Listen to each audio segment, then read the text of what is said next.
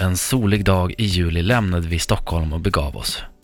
Kåt som alltid tillbringade jag tiden i bilen med att fundera på vad man kunde hitta på denna gång och vad Susanne kunde tänkas gå med på. Jag sa, ställ dig där framför grinden i position 1 och vänta på instruktioner. Jag blev hård som en furustam.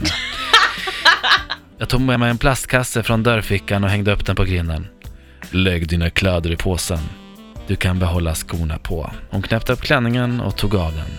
Därefter bhn och trosorna. Och stod sedan endast iklädd vita sneakers.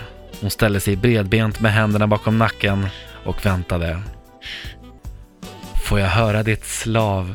Slavin, slavinnelöfte? Oj, aha. Tala högt och tydligt.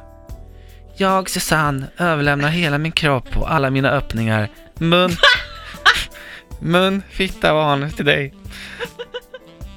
Vad sa du, muffitta vad?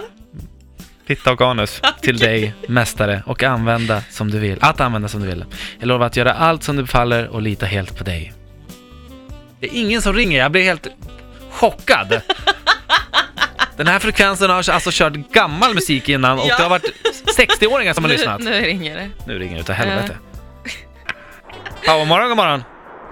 Tjena, tjena, ni får ju snappa upp gamet så man hinner komma också. Fan, det är inget drag i det. Vem har vi med oss?